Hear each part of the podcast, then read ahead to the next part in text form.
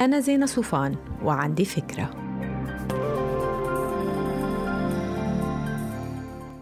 هاي.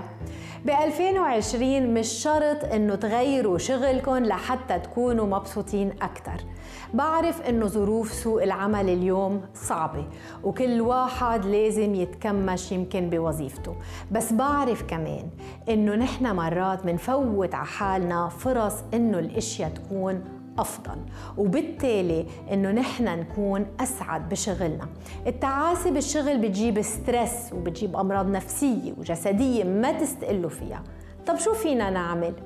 أول شيء فينا نكون حاضرين أكثر واعيين لمحيطنا أكثر خلونا ب 2020 نعمل لفتات إنسانية تجاه زملاء لإلنا. هيدا الشيء مش بس بفرحهم كمان بيزيد رضانا عن ذاتنا وكمان بيزيد إحساسنا بقيمتنا بمحيطنا. بالسنة الجديدة انتبهوا على الموظفين الجداد. تبرعوا إنكم تعلمون تساعدون تحطوا خبرتكم بين إيديهم. خلقوا قيمة من سنوات التجربة يلي عندكم انتو.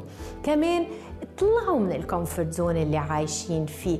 خدوا تحدي بالشغل حتى لو ما كان في مقابل مادي. الإنجاز بيجدد النشاط بعيد الثقة بالنفس بيجيب انتباه الإدارة ويمكن يفتح أبواب لفرص جديدة.